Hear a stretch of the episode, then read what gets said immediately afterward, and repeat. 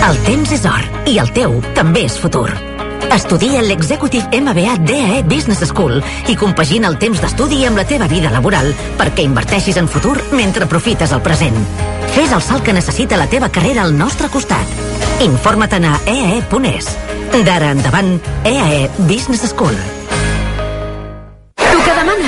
Jo una Big Mac. Uh, jo una McRoyal Deluxe amb amanida, iogurt grec amb fruites i refresc, ah, i un cappuccino. Uau! És que tinc la targeta del Club Vanguardia.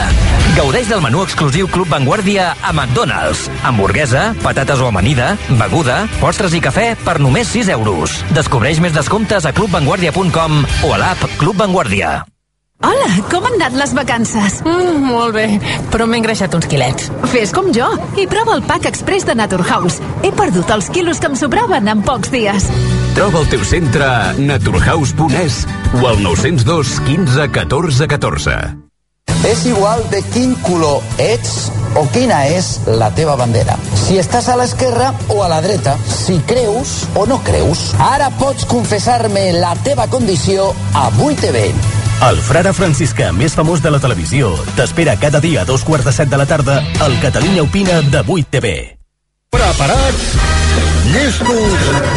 Ja, ja. RAC1, amb el suport de l'Ajuntament de Badalona. Direxis Tuxal. CaixaBank. Mizuno. Fiat Assegurances. Xarxa Fort de Catalunya. I Torrons Vicenç us convida a participar a la sisena cursa de RAC1 a Badalona. El diumenge 31 d'octubre, una cursa de 5 quilòmetres per 5.000 participants corrent pel passeig marítim i al centre de Badalona. Seguint totes les mesures de seguretat anticovid. Trobareu tota la informació a rac1.cat. Inscriviu-vos-hi. Corre, jo. Deixeu els comentaris i opinions que tingueu amb l'etiqueta Cursa RAC1. Ben cursa, tots som un. Amb la col·laboració de Montse Interiors, Eurofitness i Robin Hood. Escolta, descarrega, comparteix. Perquè tot el que passa a RAC1, continguts, imatges, xarxes socials, passa per rac1.cat, el portal de notícies de RAC1. A RAC1, Jordi Beltran, amb No hi som per festa. Bona tarda i benvinguts a una edició d'aquelles de festiu intersemanal de No hi som per festes a RAC1. Ens ho prenem en filosofia i per això tenim sempre aquesta sintonia que parla d'estar a la platja, eh? aquell lloc que li diem, mira, això és descans, vacances, sempre ho configurem així, malgrat que cada dia més gent que decideix escollir la muntanya. Bé, què tal, com ho porteu? Felicitats, farem el tòpic, felicitats a les Pilars, Pilarins, Pilariques, a tothom que celebri alguna cosa avui, eh? Doncs mira, que ho celebrin. Però precisament pensant que avui eh, és dia 12 d'octubre, que alguns podien dir que és la festa del pont, però no, hi ha molts que se'n perden en dir que és la festa de la hispanitat, doncs vaig pensar, dic, quin programa podríem fer per un 12 d'octubre eh, que tingués allò un contingut monogràfic, encara que parlarem també d'altres coses, i que estés bé. I, I vaig dir, calla, ja ho tinc. Ja feia temps eh, que hi pensava. Fer un programa sobre la mentida. Que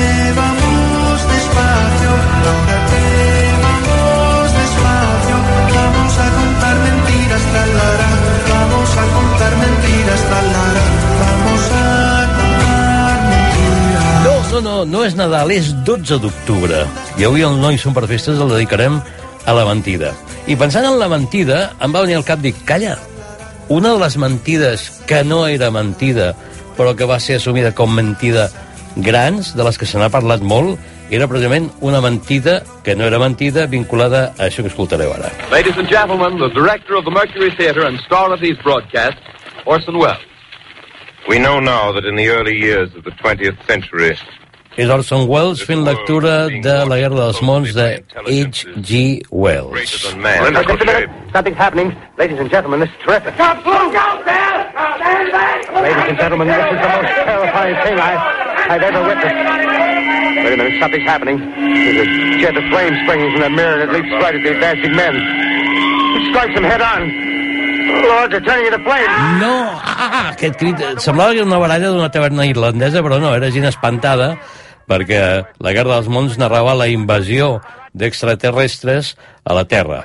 Això que és un, un relat i que s'especificava al principi de la missió del programa, que era la lectura d'aquest relat per part d'Orson Welles i una companyia de radioteatre, des del Mercury Theatre, aquest any farà anys que es va estrenar. 30 d'octubre del 1938, des del Mercury Theatre, Orson Welles va dirigir l'adaptació radiofònica d'aquesta Guerra dels Mons. L'impacte va ser brutal, perquè tothom es va espantar, es van esbarrar, bueno, ja, ja heu sentit com ho van representar, no? gent cridant, allò, especialistes dient que ja es veia venir, que hi hauria tot això, i va ser, va ser catalogat per tothom d'una gran mentida, que havien estat enganyats quan deies, no, no, era senzillament un programa de ràdio. Aquí no explicar, intentarem no explicar mentides, però sí que dedicarem bona part del programa d'avui a parlar de mentides eh, i a escoltar també i a recordar moments de mentides en el cinema en Guillem F. Marí. Què tal, com estàs? Bé, bé, molt bé. Has confiat en mi per fer això, ja està, Sí. ja mentiré una miqueta. Abans d'entrar que amb el Guillem F. Marí recordarem pel·lícules en les que hi ha mentides importants o mentides reconeixibles, en molts casos. Uh, això ho farem a la segona del programa d'avui. Abans volia parlar amb Guillem F. Marí d'un fenomen, que és el del festival. En podem dir festival o ja fa És- vergonya aquesta paraula? Per què vergonya?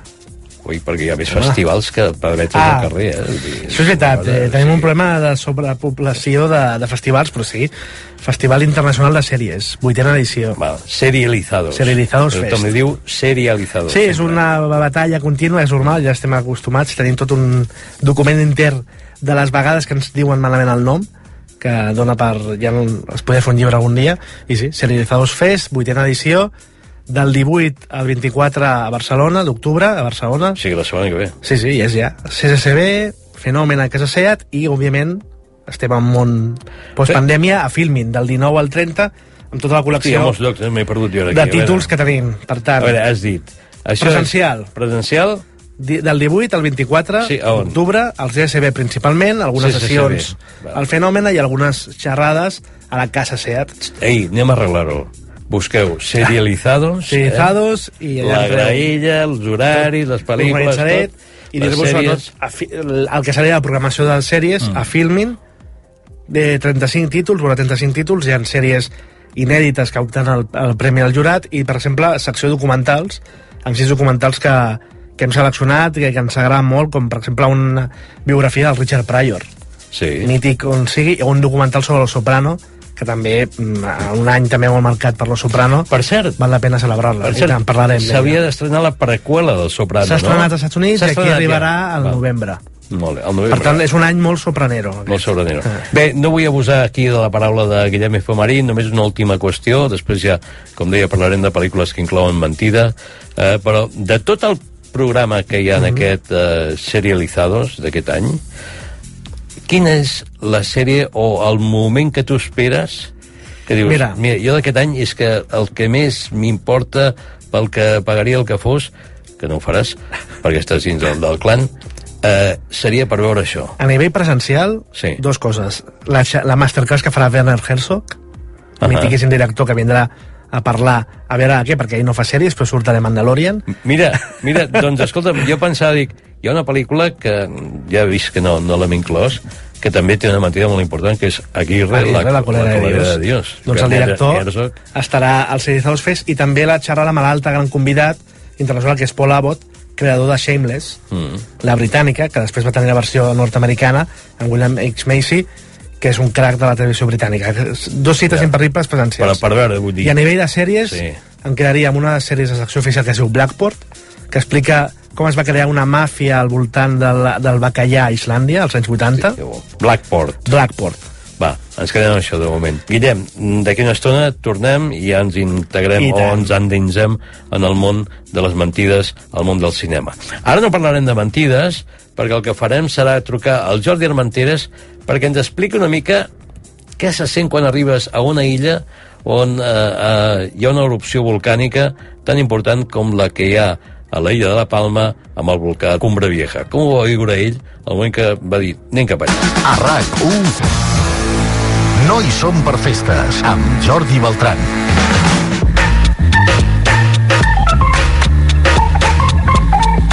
És dia, és dia de festa, encara que alguns no, no ho celebrin. però és dia de festa i si és dia de festa, normalment, no sempre, però tenim eh, l'hàbit de parlar amb, avui concretament, amb el nostre eh, enviat especial al volcà. O sigui, el, la persona de rac que més a prop ha estat del volcà Cumbre Vieja. Jordi Armenteres, què tal, com estàs? Hola, Beltran, què tal? He tornat, eh? Ja, He ja, tornat ja fa uns home, quants ja dies. sé, ja, ja. I, de fet, estan passant moltes coses i és allò que et sents una mica estrany perquè és veritat que jo hi vaig ser vuit dies, però, però passen coses importants que, que per molt que quedéssim embadalits davant d'aquell foc, d'aquelles tenebres que sortien d'aquell volcà, n'ha sortit molt més, ha sortit molta més lava, lava molt més Sí. líquida, i a més hi ha una sensació, Beltran, que, que jo no he tingut mai a la vida encara, que és que hi ha hagut terratrèmols i de més intensitat aquests últims dies Mhm. i jo no n'he viscut mai cap segurament algun oient dirà sí, home, sí, aquell que vam veure aquella vegada allà o que vam viure allà o al Japó, quan hem viatjat d'un lloc a un altre jo, jo aquesta, aquesta sensació de por d'un terratrèmol encara no l'he sentit I- mai i, i, de fet la volia sentir no hi va Home, manera. home, Armenteres, a veure, és que et va una mica el tema de, del risc, a tu. O sigui, jo crec que la majoria de la humanitat, si pot estalviar-se un terratrèmol, se l'estalvia. No? Sí, però estem parlant de terratrèmols eh, d'una intensitat molt moderada, d'una magnitud moderada. Em sembla que és una mica assumible, em sembla, i crec que és una sensació que també la, la, la, la persona ha de tenir, no? A veure, eh, tu no ets volcanòleg, i suposo No, que no, allà, clar. allà has après coses de, sobre els volcans, Moltíssimes. que tampoc sé si et serviran de molt al llarg de la teva trajectòria, però si hi ha un altre incident d'aquest tipus, potser sí. A veure, anem a El saber pams. no ocupa espai. Anem a pams. Tu vas, eh, com et vas assabentar de que entrava en erupció el volcán Cumbre Vieja a la illa de la Palma, Canàries? Doncs suposo que com la majoria de mortals, que és per un urgent d'un mitjà de comunicació, d'un diari digital. Perfecte. I aleshores tu ja tens el neguit de dir jo hi he d'anar? Sí, sí, sí. Sí? Bueno, la nostra feina implica això. Aleshores, tu arribes a l'aeroport de la Palma i vas cap al volcà ja directament o abans vas a deixar la bossa o el que portessis? Mm, No, no, directament cap al volcà. Directament cap al volcà. Havies estat alguna vegada a prop d'un volcà? Uh, sí, però pagats, clar, com tothom. No, ja, eh? Bueno, no tothom ha estat a prop d'un volcà, també he de dir. O sigui, eh, Ah, però Santa Margarida d'Olot hi hem estat tots. sí, això sí. Llavors, vulguis o no, ens diuen els... no? El, el, el que hem après, per exemple, dels volcanòlegs és que si haguéssim de buscar un símil del volcà de Cumbre Vieja de la Palma a la península, mm. el primer símil que trobaríem seria precisament el, els volcans de la Garrotxa. Ja. Aleshores, tu, eh, primer, pam, al volcà, i baixes a, a quants quilòmetres del volcà? És a dir, fins on et deixen arribar per informar del volcà? No, no, és que això és més bèstia del que sembla, eh? perquè vam fer una temeritat eh, semilegal o legal del tot. Clar, jo arribo, agafo un cotxe de lloguer a l'aeroport de la Palma, Sí. tinc la sort d'haver estat a, a la Palma, a l'illa de la Palma, fa 10 mesos, i per tant em coneixia Ah, mira. molt bé tota la zona. Eh, llavors, de fet, mira, el restaurant que crec que jo vam menjar millor eh, a la Palma és un restaurant que en aquests moments està sota la lava, vull dir, imaginem-nos-ho, eh? No, jo vaig directament cap allà i, òbviament, hi havia moltes restriccions eh, que imposava la Guàrdia Civil, però el primer dia el carnet de periodista t'obria moltes, Ja. moltes tanques i, i molts murs de seguretat. I jo vaig tenir la sort que la Guàrdia Civil em va deixar passar un parell de controls i vaig anar tirant i va un moment que vaig parar el cotxe perquè hi tanta cendra i veia la, la lava, eh, no la veia vermella, eh, la veia ja, eh, diríem que s'estava refredant i ja Sí. no tenia el, el punt aquest incandescent, però sí era, era una sensació de calor total i absoluta com si la temperatura, com més t'acostaves a la lava, més pugés, Yeah. i a Mm. més plovien unes cendres que feien, feien al voltant de 2-3 mil·límetres de llarg i eren com, com petites agulles que t'havies de protegir molt bé el Ah, cap sí? perquè et feien molt mal. Sí, era, era, molt, era molt sorprenent. Llavors, amb els volcanòlegs, el que vam aprendre és que eh, la lava dels primers dies, eh, que era una lava eh, força alta, com que hi havia molt poca activitat explosiva i anava Sí. sortint tota aquella lava amb, amb les cendres, aquelles cendres eren piroclars petits que no arribaven a ser cendra perquè no hi havia suficients explosions per poder-la destruir. Llavors, la, la cendra que acabàvem veient al cap de 3-4 dies, que era una una cendra que tu no veus si no tens un foli Mm. de paper blanc i Sí. per sort escrivim en paper eh, doncs, doncs no la percebies a, a simple vista però posaves un foli a qualsevol lloc i al cap de dos minuts tenies una petita capa de cendra de color negre I aquesta no, no feia mal al caure o el... aquesta no fa mal al, al, al cap, no, no, no pots tenir cap problema que tinguis de cop i volta un piroclast que vagi a una velocitat eh, molt bèstia i et pugui provocar algun tipus de dany al cos, però aquesta sí que és molt perillosa respirar-la, Ja. perquè és la cendra que es posa als primers pulmons, després a la sang i pots Mm. tenir problemes de salut. De fet, precisament per això hi ha alguns barris que encara continuen confinats i, i, i de fet, s'ha obligat a tothom a recuperar les mascaretes al carrer Ja. en tota aquella zona. Beltran, sembla que estiguem frivolitzant. No, no, no, no, no, no, no, no, no, és que... eh, com ja, un no, espectacle. No, no, no, no, ja entrarem després en, en, en, en l'altre tema, o en l'altre vessant del tema, també. Però m'interessa saber quina és la primera, el primer cop que t'emportes. Tu vas arribar de dia, Jo vaig arribar de dia, devia aterrar a la Palma, devien ser les 10 del matí o les 11 del matí, hora catalana. i per tant vas veure el volcà, que a la una, dues... No, abans, abans. Abans, mitja horeta era la zona. De fet, l'aeroport és relativament a prop de... És a 15 quilòmetres, el que passa que hi ha moltes corbes i és una carretera que no es fa molt ràpid, diríem. Tu passes tot el dia observant el volcà i arriba la nit. Sí. I aleshores sí. la sensació, clar, és diferent de la que vas tenir quan vas arribar al matí?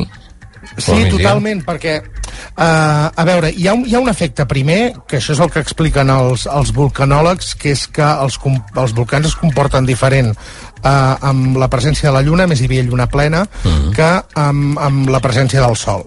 Amb la presència, amb, amb la nit, clar, què passa? Que uh, com que estem parlant de foc, Mhm. a la nit la falta de llum implica que es vegi molt més espectacular i amb molta més amb, amb, amb, amb, o sigui, amb molts més colors amb, amb, amb el foc que es veu perfectament i, i, i té un punt d'espectacularitat molt bèstia de nit. Què passa de dia? De dia eh, surt amb fum, que aquest mm. fum amb la llum el que fa és eh, provocar que si no hi ha molta lava, com ha passat aquests últims dies, doncs pràcticament no vegis el foc. Tu Ja. veus una muntanya que va fumant mm. i llavors a mesura que, que, que, que arriba l'ocàs, sí que llavors allò es, es converteix en color vermell. Tenies por en algun moment? Sí. Per què? Sí, um, agafo por el, el primer dia que m'havia costat massa la lava, uh, agafo por el tercer dia, que és quan ens van demanar, si us plau, que ens poséssim uh, ulleres de protecció als ulls i no hi havia ulleres en lloc. Ah. Jo vaig anar amb una pantalla d'aquestes que s'havia posat de moda amb el Covid Sí. uh, per, per, perquè podies tenir un problema als ulls, de fet et deien, mm. sobretot si et pica un ull, no te'l toquis per res del món, perquè aquesta cendra et pot provocar una ferida a l'iris. I això t'ho deien els vulcanòlegs, els geòlegs, t'ho deien els farmacèutics, i a més tothom anava vaig buscant les, la, les ulleres. Llavors, sí que al primer moment de por quan t'acostes molt a la lava, llavors ens va passar una cosa que les ràdios durant molts dies no ens hi van deixar acostar, només hi deixaven acostar les càmeres de televisió i els, els reporters que anaven amb una càmera de, de, de televisió, mm. i llavors el, el, el, el cap de setmana, o sigui, quan portàvem vuit dies d'erupció, aquell cap de setmana allò va despertar una fúria Sí. eh, d'explosions, eh, a més, eh, totes les valls d'aquella zona del, del Valle de Aridane, que és el municipi on hi ha tots els poblets desallotjats, um, allò qualsevol terraplè, qualsevol voral de carretera que hi hagués una mica de visió, um, allò era un allò era una atracció com si anéssim nosaltres Ja. al concurs de, de Castell de Flocs de Blanes Ja. o anéssim Mm. a, a la festa major de Sant Feliu de Guíxols, que és molt espectacular el Castell de Focs perquè surten focs de 3 o 4 punts, no? Val. Llavors ens, ens trobàvem això i de cop i volta miraves el rellotge i deies, ostres, porta 40 minuts.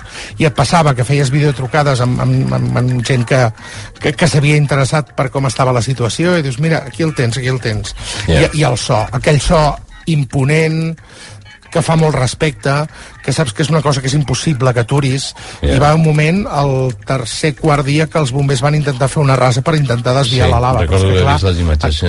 aquesta lava tenia 20 metres d'altura i això és impossible desviar-ho. De fet, la gran sort, per molt, que, per molt que el mar estigui creixent en un quilòmetre de costa, això vol dir que la llengua de lava és molt ampla, per, la, la gran sort en aquests moments és que eh, majoritàriament la lava no obre nous camins, sinó que va per sobre del, de, del primer traç que ja va fer Yeah. des, des, que va, des que va sortir l'erupció fa més de dues setmanes. El primer contacte amb persones afectades quan el tens, recordes? Sí, sí que el recordo. Um, I en aquest sentit hi ha dos contactes que són molt diferents, de, de parlar amb, amb gent que ho han perdut absolutament tot. Això que dèiem abans, um, ostres, és, una, és un espectacle, és uh, imponent, és, és meravellós. Això s'ha de veure alguna vegada a la vida, però hi ha una destrucció darrere que, que és una desgràcia Mm. absoluta. Um, sí, bé, per no, no, no, no banda- hi podem fer res, o sigui, si es produeix, es produeix. Per una banda hi ha els que no hi pots fer res, que és ho hem perdut tot, necessitem ajudes. Mm. Sort en tenim de la família, sort en tenim d'amics, sort en tenim que eh, amb aquests amics tenien un pis, que el tenien amb lloguer, que amb lloguer turístic i ens el deixen uns dies. Sí, perquè a més, Llavors, a més viurem... recordo que algú va comentar, em sembla que era la versió RAC1, que la Palma tenia un problema ja de- d'allotjament per les persones perquè els apartaments i tot això estaven ocupats, o sigui, hi havia turistes que estaven a la illa. al final, encara, que hi el, el un problema de la Palma és exactament el mateix que a Eivissa. A Eivissa no hi ha eh, pisos de lloguer perquè els apartaments eh, turístics es cobren molt més que un pis de lloguer yeah. i no interessa tenir pisos de lloguer. Llavors a la Palma passa el mateix. Crec que el senyor idealista, un dels responsables de l'empresa d'aquest portal, deia que a la Palma només tenien 12 pisos per lloguer. Yeah. És, és, una, és, una, és una tonteria, clar. Però, però d'habitatge n'hi ha molt. Llavors, aquest és el primer moment que dius, tio, ho, ha, ho has perdut tot, a tu t'han d'ajudar. Mm. Òbviament t'han d'ajudar d'alguna manera, perquè és una catàstrofe natural imprevisible que no es pot aturar. I el segon cop, que crec que a mi encara m'impressiona més, però una cosa és haver-ho perdut tot. L'altra cosa és Yeah. saber que probablement ho perdràs tot i, i vaig ser un parell de dies a les cues que es feien gent que volia tornar a casa seva, que només els deixaven entre 15 minuts i que havien de fer dues hores, dues hores i mitja de cua Mm. amb un cotxe per poder omplir per passar un control, allà un tècnic de medi ambient els acompanyava a casa seva i els hi deixava estar entre 15 i 30 minuts per recollir coses. Clar, quines coses agafes? És el gran debat. Yeah. I, i, i a més el tècnic de medi ambient et, et deia no, se t'ha acabat el temps o no, tens 5 minuts més o no, mm, portes 20 minuts i a tu te'n donaré 5 més clar, yeah. base en quin criteri eh, dius això, no? Eh, Si hi havia una cosa que era, que era quan tenies la furgoneta plena o quan tenies el cotxe ple havies de tornar i amb una mica de sort eh, potser t'hi deixaven eh, apropar eh, de nou l'endemà o al cap de dos dies. Però aquella cua de dues hores i mitja de l'ansietat que deu provocar saber que potser vas a casa teva per última vegada a treure les coses, allò encara impressiona més. Mm. Vas poder copsar com es vivia això a la resta de l'illa? Això només afecta eh, la meitat sud-oest de l'illa, o sigui, amb prou feines, una sisena part, perquè l'illa és com una mena d'ametlla, doncs imagina una ametlla al revés, diríem, o, o el, tros, me- el tros més estret per sota. Sí.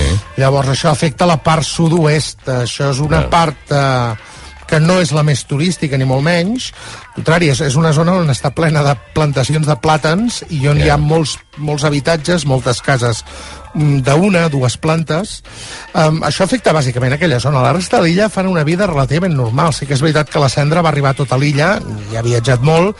Llavors, per exemple, a la, a la capital, que és a l'altra banda de, de l'illa, a més mm. creuant tot Cumbre Vieja, que és una muntanya força alta, um, el, el, a Santa Cruz de Tenerife, clar, a Santa Cruz de la Palma, perdó, el, el dia que hi va arribar la, la cendra, hi havia dos dits de cendra, I això vol dir que havia fet molts quilòmetres, aquesta cendra, i havia arribat molta. Clar, depenia tot dels vents. sigui, 18-19 va començar i es preveu que això pot durar mm, no se sap quant temps. Això no se sap el temps que durarà. Eh, de fet, parles amb els geòlegs i sí que hi ha una estimació. L'estimació és que dura 55 dies. El que passa que no és una estimació científica ni és una estimació en base als terratrèmols que hi ha, als, als, a les colades noves de lava o les noves boques, sinó que és una estimació que agafen amb centenars d'anys de documentació de volcans a les Illes Canàries que el que diuen és eh, la mitjana és de 55 dies, amb tot el que tenim fins ara i amb aquest tipus d'erupcions. Per tant, això ens ha de portar com a mínim fins a finals de novembre. Val. Aquella zona és una de les principals zones de plantació de plàtan de totes les Canàries. Ja, és que això et volia ha- Hi ha una preguntar. xifra que és espectacular, que és que cada setmana surten de les Canàries cap a la península 400 tones de plàtans. Mm. 32-34% surt de la Palma. I eh, aquella zona on hi ha el volcà és on hi ha les Val. principals plantacions de plàtans. I, I tu vas arribar a esbrinar per què allà concretament? És per, per la terra que hi ha? Mm, Vas arribar a esbrinar per què allà es fan eh, més plàtans que altres eh, parts de la illa? O de les illes. no, però sí sé. que ens deien una cosa, que és que la terra volcànica, un cop ha passat tot, és molt Mm. fèrtil i és una terra que va molt bé per fer qualsevol tipus de cultiu. Fet, estem parlant molt de plàtans, però només hi ha plàtans, també, hi ha, també hi ha albocats. Llavors, allà, en aquella zona concretament, hi ha 10.000 persones que treballen amb tota la indústria del plàtan. La indústria del plàtan no només és, és eh, recollir-lo i regar-lo, eh, també hi ha eh, tot el tema de l'envasat, tot el tema de l'explotació, i això es centralitza des d'allà. I a més, hi ha un problema molt greu, que hi ha molta canalització d'aigua que s'ha fet malbé, que s'ha de refer tota de la baix, sí. i resulta que una platanera, si passen 4 o 5 dies que no la regues, perd el fruit, perd el plàtan.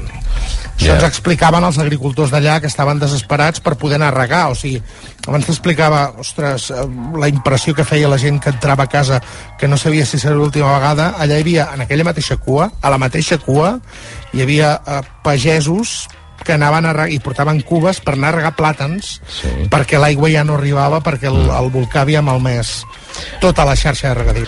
Bé, hem parlat d'un volcà. Ara parlarem de l'altre.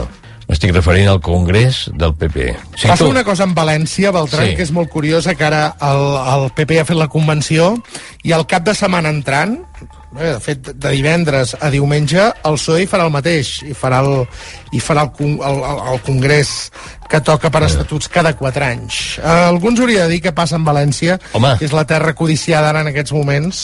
També perquè Ah. és la connexió de Madrid amb el mar, no? I, Totalment. I, i aleshores hi ha molts, molta gent de Madrid que va cap a València, per exemple, a l'estiu, i, i és el referent mediterrani de, del centre de, de la capital. Bé, allò... Tu has dit un espectacle, eh, Sí. sí. sí, efectivament ho és. Si hi ha un míting eh, Home, només electoral... José María Aznar, allò ja era un espectacle. Jo el, el diumenge en una crònica deia això sembla més un míting nord-americà que un sí. míting espanyol eh, pur i dur dels, dels que estem tots Sí. acostumats a veure. A més, el PP mm, s'ha tirat a l'era digital amb molta pantalla i amb molts efectes i coses que, que bueno, amb això estan copiant la política americana totalment. Ja. Una altra qüestió. Tu quantes campanyes i quants, eh, quantes convencions has seguit el PP? Perquè jo em sembla perdut unes quantes, no?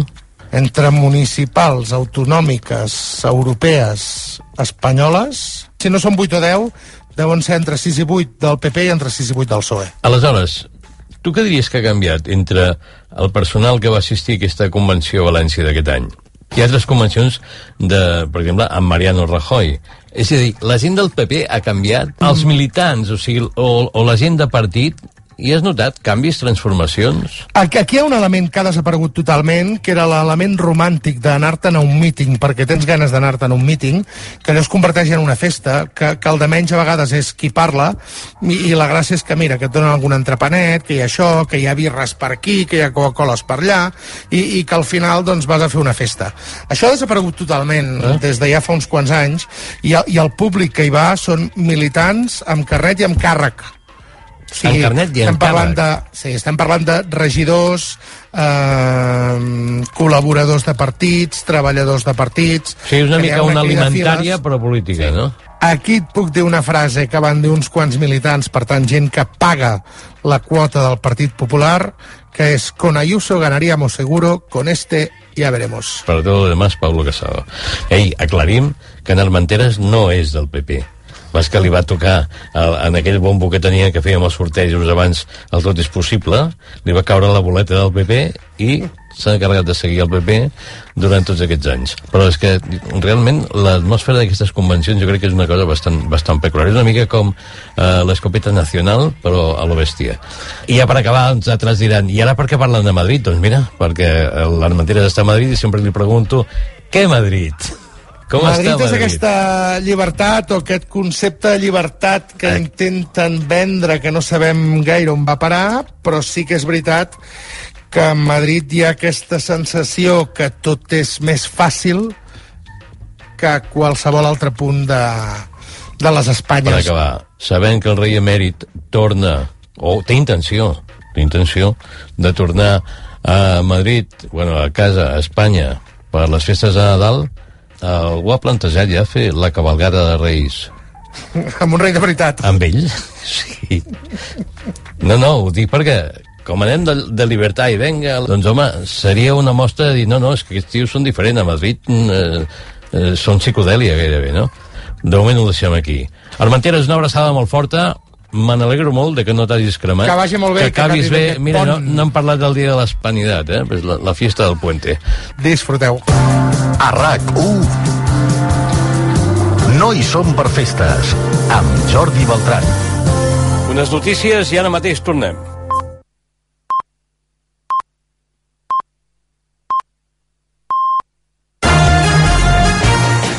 RAC1 Notícies Bàrbara Padilla Bona nit, són les 9. L'operació tornada del pont del Pilar encara deixa retencions a les carreteres, tot i que van a la baixa. Connectem amb el Servei Català de Trànsit per saber on són, Eduard Sánchez. Doncs bona nit, eh, són, com deies, eh, poques ja les retencions comparat amb fa ben bé un parell d'hores, eh, tot plegat amb, amb clara tendència a la baixa. Les aturades queden sobretot en un punt de la P7 on hi ha hagut un accident, és a l'altura de l'Ampolla. Aquí queda un carril tallat en sentit Tarragona, en sentit nord, i uns 3 quilòmetres de retenció. Aturades ja força puntuals a la zona de Cercs de la C16 en sentit eh, sud i ja més a prop de la capital catalana la C33 amb uns 4 quilòmetres entre Montcada i el Nus i també la C58 en aquest cas també uns 3-4 quilòmetres a partir de Montcada cap al Nus, tot plegat també d'entrada a Barcelona. És tot, bona nit.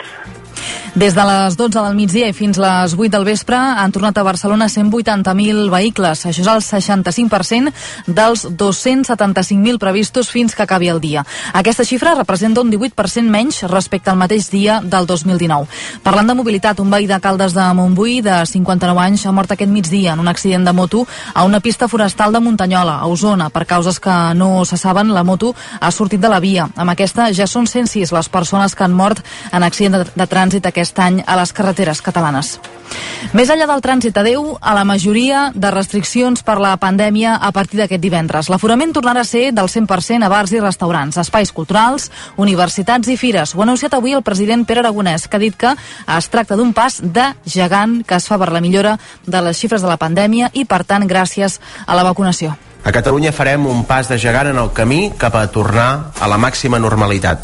Amb tota la prudència, però també amb tota la determinació, avancem. Aquest divendres deixarem enrere la majoria de restriccions que encara queden vigents i entrarem de ple en una etapa de recuperació de tota la normalitat de les activitats al nostre país. Bars i restaurants es recuperen el seu horari habitual i ja no hi haurà distància mínima entre taules ni el màxim de 10 comensals. On es manté de moment el 70% de l'aforament és als locals d'oci nocturn i els concerts amb la gent a peu dret. També es manté la mascareta als interiors. En l'àmbit esportiu també s'aixequen restriccions a Gerard Ballera. Si torna al 100% d'aforament als recintes esportius a l'aire lliure, el Barça, per tant, tindrà permís per obrir el Camp Nou a tot el públic per al partit d'aquest diumenge contra el València, el primer de tres duels consecutius a l'estadi en només una setmana i que acabarà amb el clàssic contra el Real Madrid el diumenge 24 d'octubre. L'Espanyol té el pròxim partit a l'RCD Stadium dilluns contra el Cádiz, mentre que a segona el Girona podrà reobrir tot l'aforament de Montilivi per rebre aquest dissabte l'Osca. En el cas dels esdeveniments esportius en espai tancats, l'aforament permès serà del 80%, tal com es va acordar amb la resta de comunitats autònomes en el Consell Interterritorial del Govern espanyol. Tornant a l'hostaleria, el Gremi de Restauració de Barcelona veu amb bons ulls que recuperi el 100% de l'aforament a bars i restaurants. Ara bé, recorda que el sector ha acabat molt tocat amb els tancaments i totes les restriccions d'aforament i horari que ha comportat la pandèmia. Ho ha dit a RAC1 el director del Gremi, Roger Pallarols. Estem davant d'un sector majoritàriament conformat per autònoms i per pimes, que malgrat la bona notícia que avui encarem, no hem d'oblidar que està literalment trinxat, que porta a les seves esquenes una motxilla molt feixuga de deutes i de pèrdues que caldrà recuperar, el director afegeix que les terrasses han salvat part del sector durant la crisi del coronavirus, ja que els clients han adquirit l'hàbit de consumir a l'exterior. Des del sector de la cultura, que també recupera tot l'aforament, el director del Festival Cruïlla, Jordi Herreruela, celebra la decisió, tot i que creu que encara hi ha molts detalls que cal conèixer, com per exemple si caldrà aplicar el passaport Covid i si en aquest cas es podria deixar fora la mascareta. Són declaracions a RAC1. El que encara no sabem és eh, aquesta dificultat que hi ha de moment per veure si s'aplica o no s'aplica el passaport sanitari, quin tipus de document serveix i fins i tot si cal portar mascareta o no cal portar mascareta quan s'està dins. Això, aquests detalls els haurem de conèixer una mica més endavant. El director explica que hi ha altres països on s'ensenya el passaport Covid i a l'interior no es fa servir la mascareta. Considera que aquesta seria la millor opció. Ada Colau diu que és una bona notícia que la Generalitat aixequi gairebé totes les restriccions. En un missatge a Telegram, l'alcaldessa de Barcelona afegeix que ara només falta que alumnes i professors que són grup bombolla puguin anar sense mascareta dins l'aula. I més enllà de l'aixecament de restriccions, la UAB reprèn demà les seves activitats, malgrat l'atac informàtic que va viure ahir. En un comunicat, la Universitat Autònoma de Barcelona diu que les classes i les tasques administratives es mantenen i es faran adaptades a les condicions actuals, tot i que les xarxes UAB i Eudoram no estan disponibles. Des de la Direcció de Tecnologies de la Informació i la Comunicació, segons el comunicat, es continua treballant per restablir tan aviat com sigui possible el sistema virtual. I ara els esports, amb Joan Camí. La selecció espanyola sub-21 juga des de fa uns minuts la quarta jornada de la fase de classificació per l'europeu de la categoria de 2023 contra Irlanda del Nord. Ara mateix el resultat és de 0 a 0. El blaugrana Nico González és suplent i els pericos Nico Melamed i Joan Garcia han estat els dos descartats pel seleccionador espanyol Luis de la Fuente. També a tres quarts de nou s'està disputant el Dinamarca 0 Àustria 0 en presència blaugrana. Yusuf Demir ha començat el partit a la banqueta pel que fa a la participació blanquiblava. Keidi Bar és titular amb Armènia que s'està empatant 0-0 contra Polònia i Volei ha marcat un gol en la derrota de la Xina contra Aràbia Saudí per 3-2. Ha acabat també fa pocs minuts el duel català de la Lliga Sobal que situa el Barça líder en solitari en ple de victòries. Palau d'Esports, Laia Coll. Victòria, Victòria del Barça, derrota del Granollers de 6 gols de diferència, 34 a 40. Els ballesans han dominat els primers minuts amb dos gols d'avantatge, però quan els blaugranes s'han posat per davant, al minut 10 ja no han deixat de portar la iniciativa. Abans del descans, el Barça, que venia de perdre la final del Mundial de Clubs, ha aconseguit trencar el partit. A la segona part s'ha mantingut la igualtat amb aquests 6 gols de diferència amb els que s'ha arribat al descans.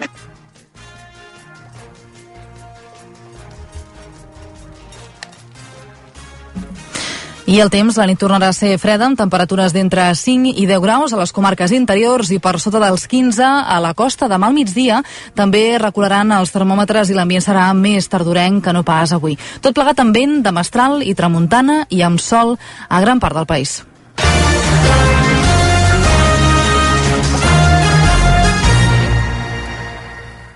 A RAC1 No hi són per festes amb Jordi Beltran.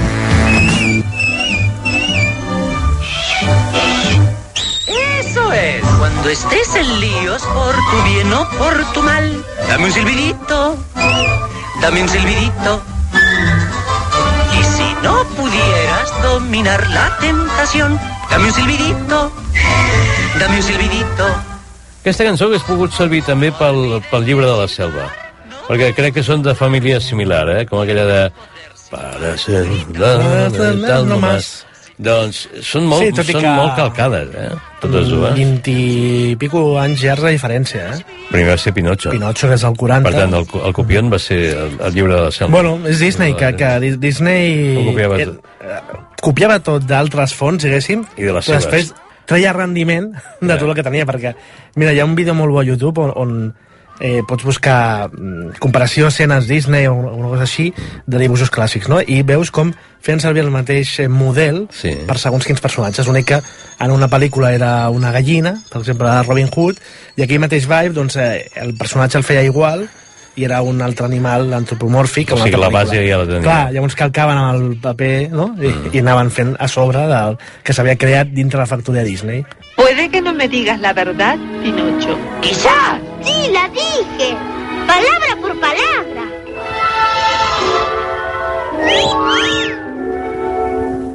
Oh, ayúdeme. Le pido perdón. Ya ves, Pinocho. Las mentiras crecen y crecen hasta verse como la nariz en tu cara. Tiene razón. Di siempre la verdad. Nunca más mentiré.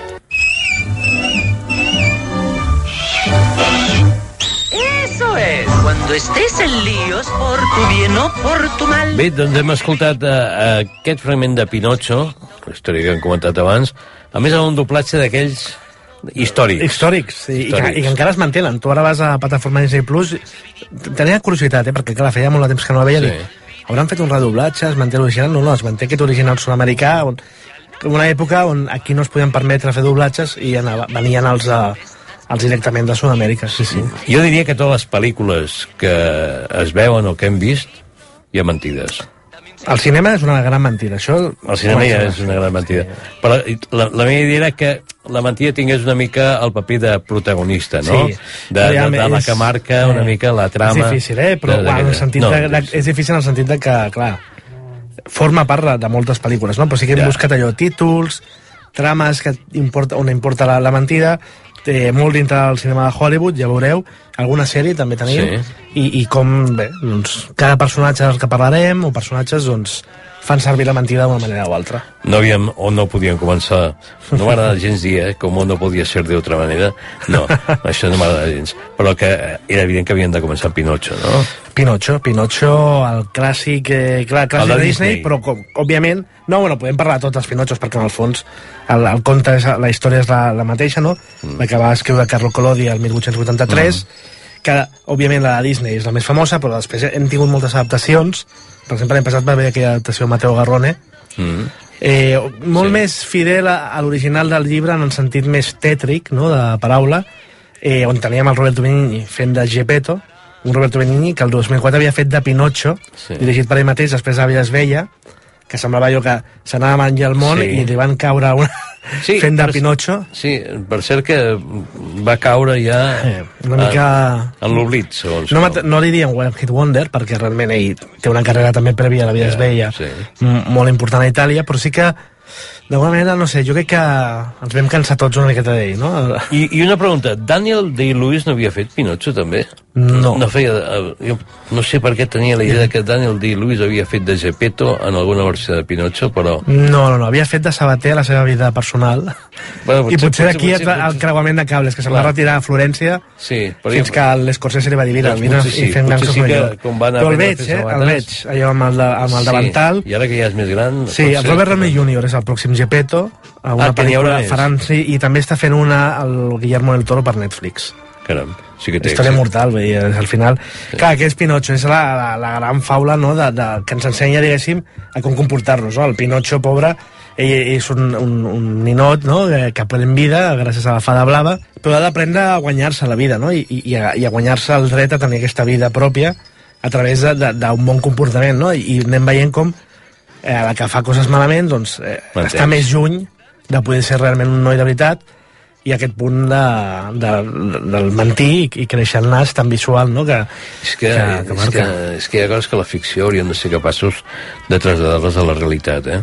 Que tothom, quan diu una mentida, li creixés una mica el nas. Home, això seria molt interessant i molt, molt útil. S'ha de tenir en que compte que el nas i les orelles Creixen són, sempre, són les sí, sí, úniques parts del nostre cos que sempre continuen que... Bueno, i creixent. les ungles, no? I els cabells. Bueno, sí, les ungles, sobretot les dels Les peus. cadàvers. Sobretot les dels peus. Bueno, bueno, Ja, ja, entrem clar, les ungles i els cabells segueixen creixent, segur- Bueno, els no- no- cabells depèn d'aquí. Clar, eh? si, si, si estan, si es mantenen. Sí, no, els que es mantenen també intenten créixer però tot Però- ràpid per no fer el ridícul. Però, en fi, però sí que realment és una història universal que es manté en el temps, Mm. que en les seves adaptacions eh, continua tenint adeptes i fidels. Sí, clar, que ha marcat generacions, que ja en seu origen és una història, eh, de fet, d'inspiració maçònica, eh? igual que és una miqueta un, un, eh, una guia en defensa dels valors maçònics i dels valors per ser una bona persona, no? Una miqueta pedagògica en aquest sentit, com qualsevol faula.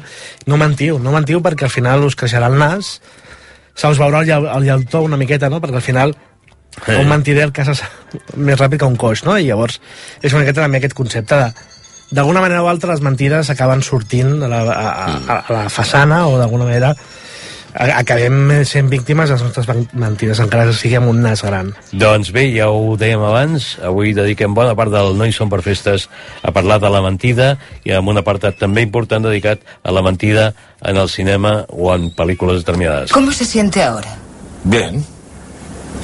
Genial. Ya trabajo. ¿A qué se dedica usted? A la gestión de desechos. Ha dicho que estaba en gestión de desechos. En medio ambiente. El doctor Cusamano, además de ser su médico de cabecera, también es su vecino de al lado. ¿Me comprende? Lo que pasó con ese amigo que se encontró a mí... Cuéntemelo. Nada. Nos tomamos un café.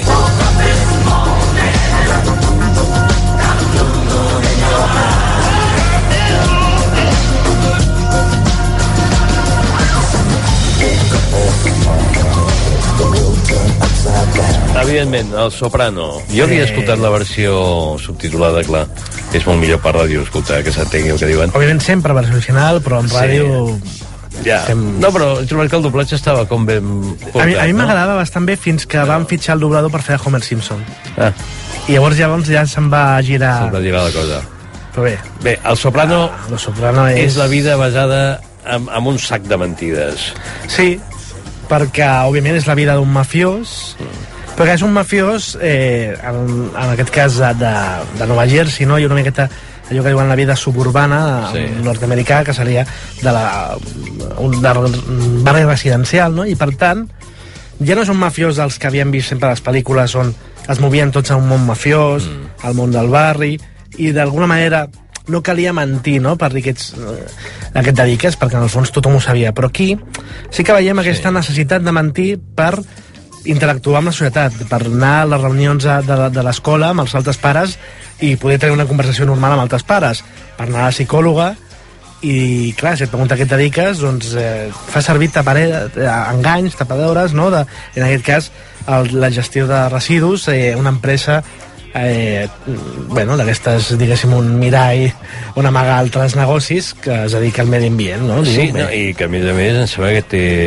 allò una mostra real Mm. a, a Itàlia, a Nàpols i d'altres llocs on Sí, eh, el eh, tema controlen, diguéssim, els sindicats i de més. i la tenen- gestió de la neteja... De fet, i als Estats el- Units passa una mica similar perquè com que és un sistema privat doncs, i de concessions bueno, màfies vàries que clar, es posen en mil negocis però sí, en comptes de, hi ha un personatge que per exemple diu sí, jo tinc una, una, un forn de pa però òbviament ell és Ja. prestamista, és mafiós no? es dediquen a altres coses i és la, això, la, la mentida com a jo ho veig aquí més com a eina social no? perquè al cap i a la fi es tracta això d'interactuar amb, amb els teus veïns mm. pijos al costat, no? Que, que...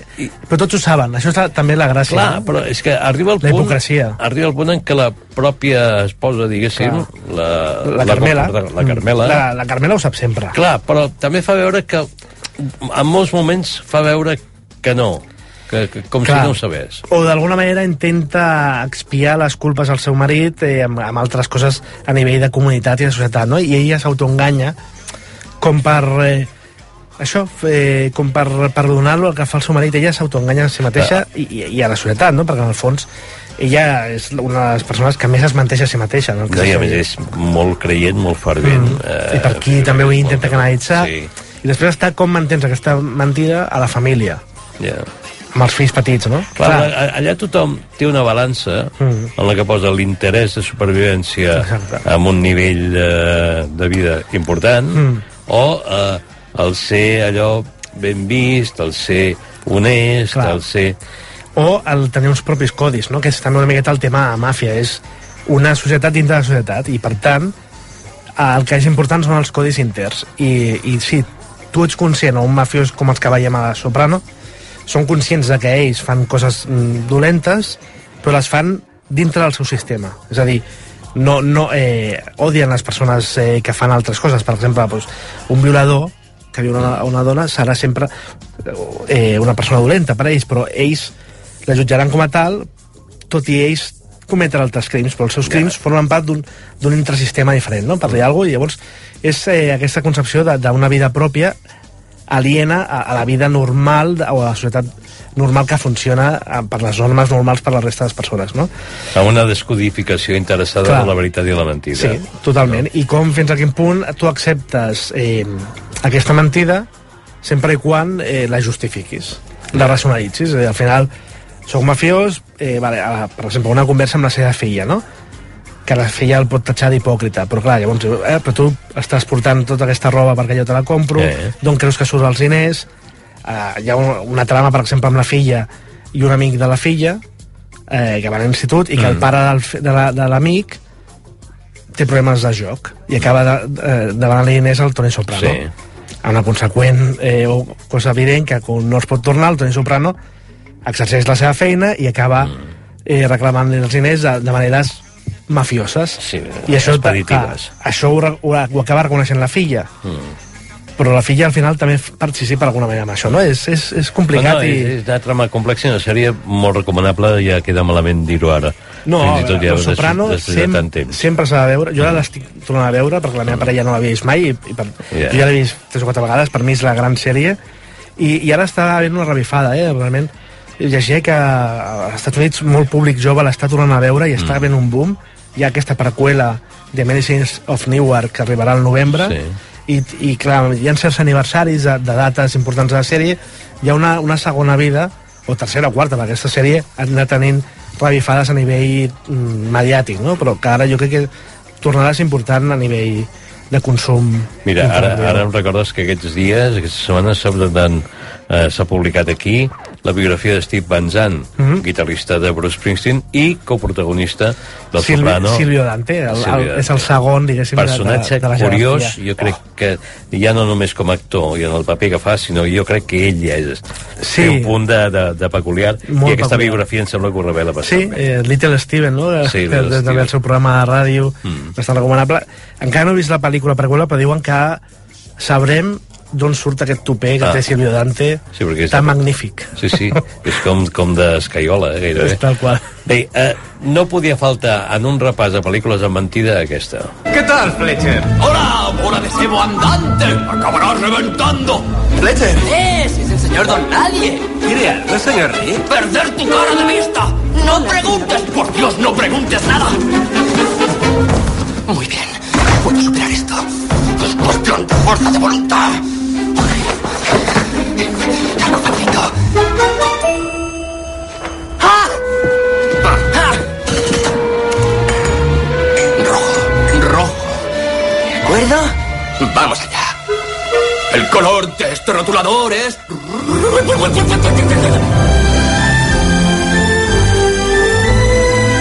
Fins i tot sense veure'l, es pot intuir perfectament que el protagonista d'aquesta pel·lícula, que era Mentiroso Compulsivo, Liar, Mentiroso Liar, Liar, Liar. en anglès, era Jim Carrey. Inconfundible, sí, inconfundible. és que és, és un actor d'aquells que dius segur que, però hi ha moments que et supera Sí, i repeti- aquesta mena d'histrionisme que té, eh? Sí, era, era un nou Jerry Lewis, no? un nou allò de Mm. gran còmic slapstick de moviments, però que, que també feia gala de, de, de, també de recursos dramàtics. Sí, no? Però sí, sí. Aquesta pel·lícula del 97 és allò, plena època màxima de, de popularitat d'un Jim Carrey que es va convertir en l'actor més ben pagat en el seu moment sí. i que... Eh, Tot li va venir arrel de la màscara?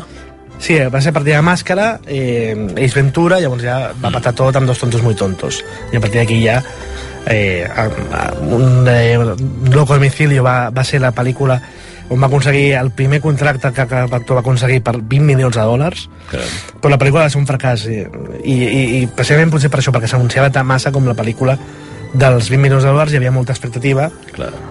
per veure una pel·lícula 100% Jim Carrey en quant a comèdia boja i en canvi era una pel·lícula molt de comèdia negra i molt trista i això va fer Mm. que no que vagi a funcionar però bé, en tot cas, Mentiroso Compulsivo Sí. sí que és és la seva entrada ja més al cinema familiar és, total, és una faula adulta és dir, realment vindrà a ser un Pinocho per, per Mm. adults o per yuppies o per eh, joves pares que no saben com congeniar una miqueta les expectatives laborals amb les familiars no? i en aquest cas un advocat que aquí també vindrà l'altre tema de la pel·lícula no? i el joc de paraules una miqueta amb lawyer i liar Sí. perquè els advocats, i sobretot aquest perfil més d'advocats dels Estats- Units, no? d'aquests judicis on eh, Que sabem que qui té més pasta és qui guanya i qui té més pasta té millors advocats i per tant saben on els, els judicis, almenys els que veiem per la ficció, són gairebé obres de teatre en si mateixes, no? i necessiten de grans mentirosos, de grans actors per apoderar-se del relat i, i aquests picapleitos de les pel·lícules tendeixen a ser bastant mentirosos per professió i han de ser mentirosos i, I què li aquest és passa? el cas, no? Què li passa? Ell és un gran mentirós profes- professional com a advocat, és mentirós a la seva vida en el sentit social, no? de, de, de, de, de quedar bé amb tothom, i sobretot és mentirós una miqueta amb el seu fill. Està divorciant-se, veu poc el fill, i el fill està cansat de que li comprometi. Demà anirem a veure el partit de béisbol i que mai el porti. Demà anirem a tal, i que mai ho faci. Cansat d'això demana un desig al seu aniversari, que és que el seu pare no menteixi mai. I es compleix. I clar, ja es desperta en aquesta escena que, que escoltàvem, que li és impossible mentir i només pot dir la veritat. Per tant, és allò, a la escena mítica que es tira un pet a l'ascensor i sí, he sido jo, mm. o que tothom li diu ma- l'humaniment que li queda en el, com vesteix o tal, i, o aquesta escena que veiem de est- aquest bolígraf ella es fa la prova a si mateixa. Aquest, agafa un bolígraf blau i vull mentir. Dic, aquest bolígraf és vermell i no pot.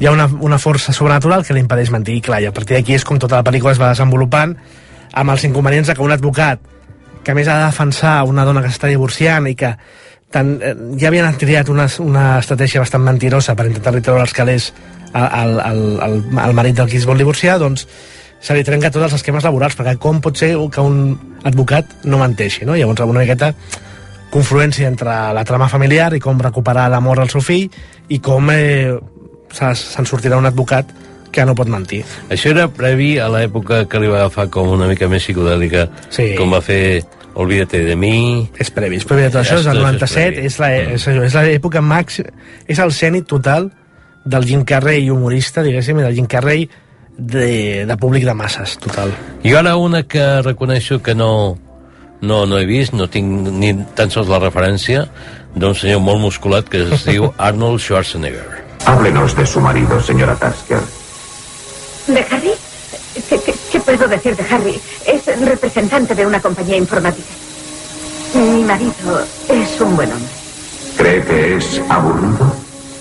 Bueno, eh, poco.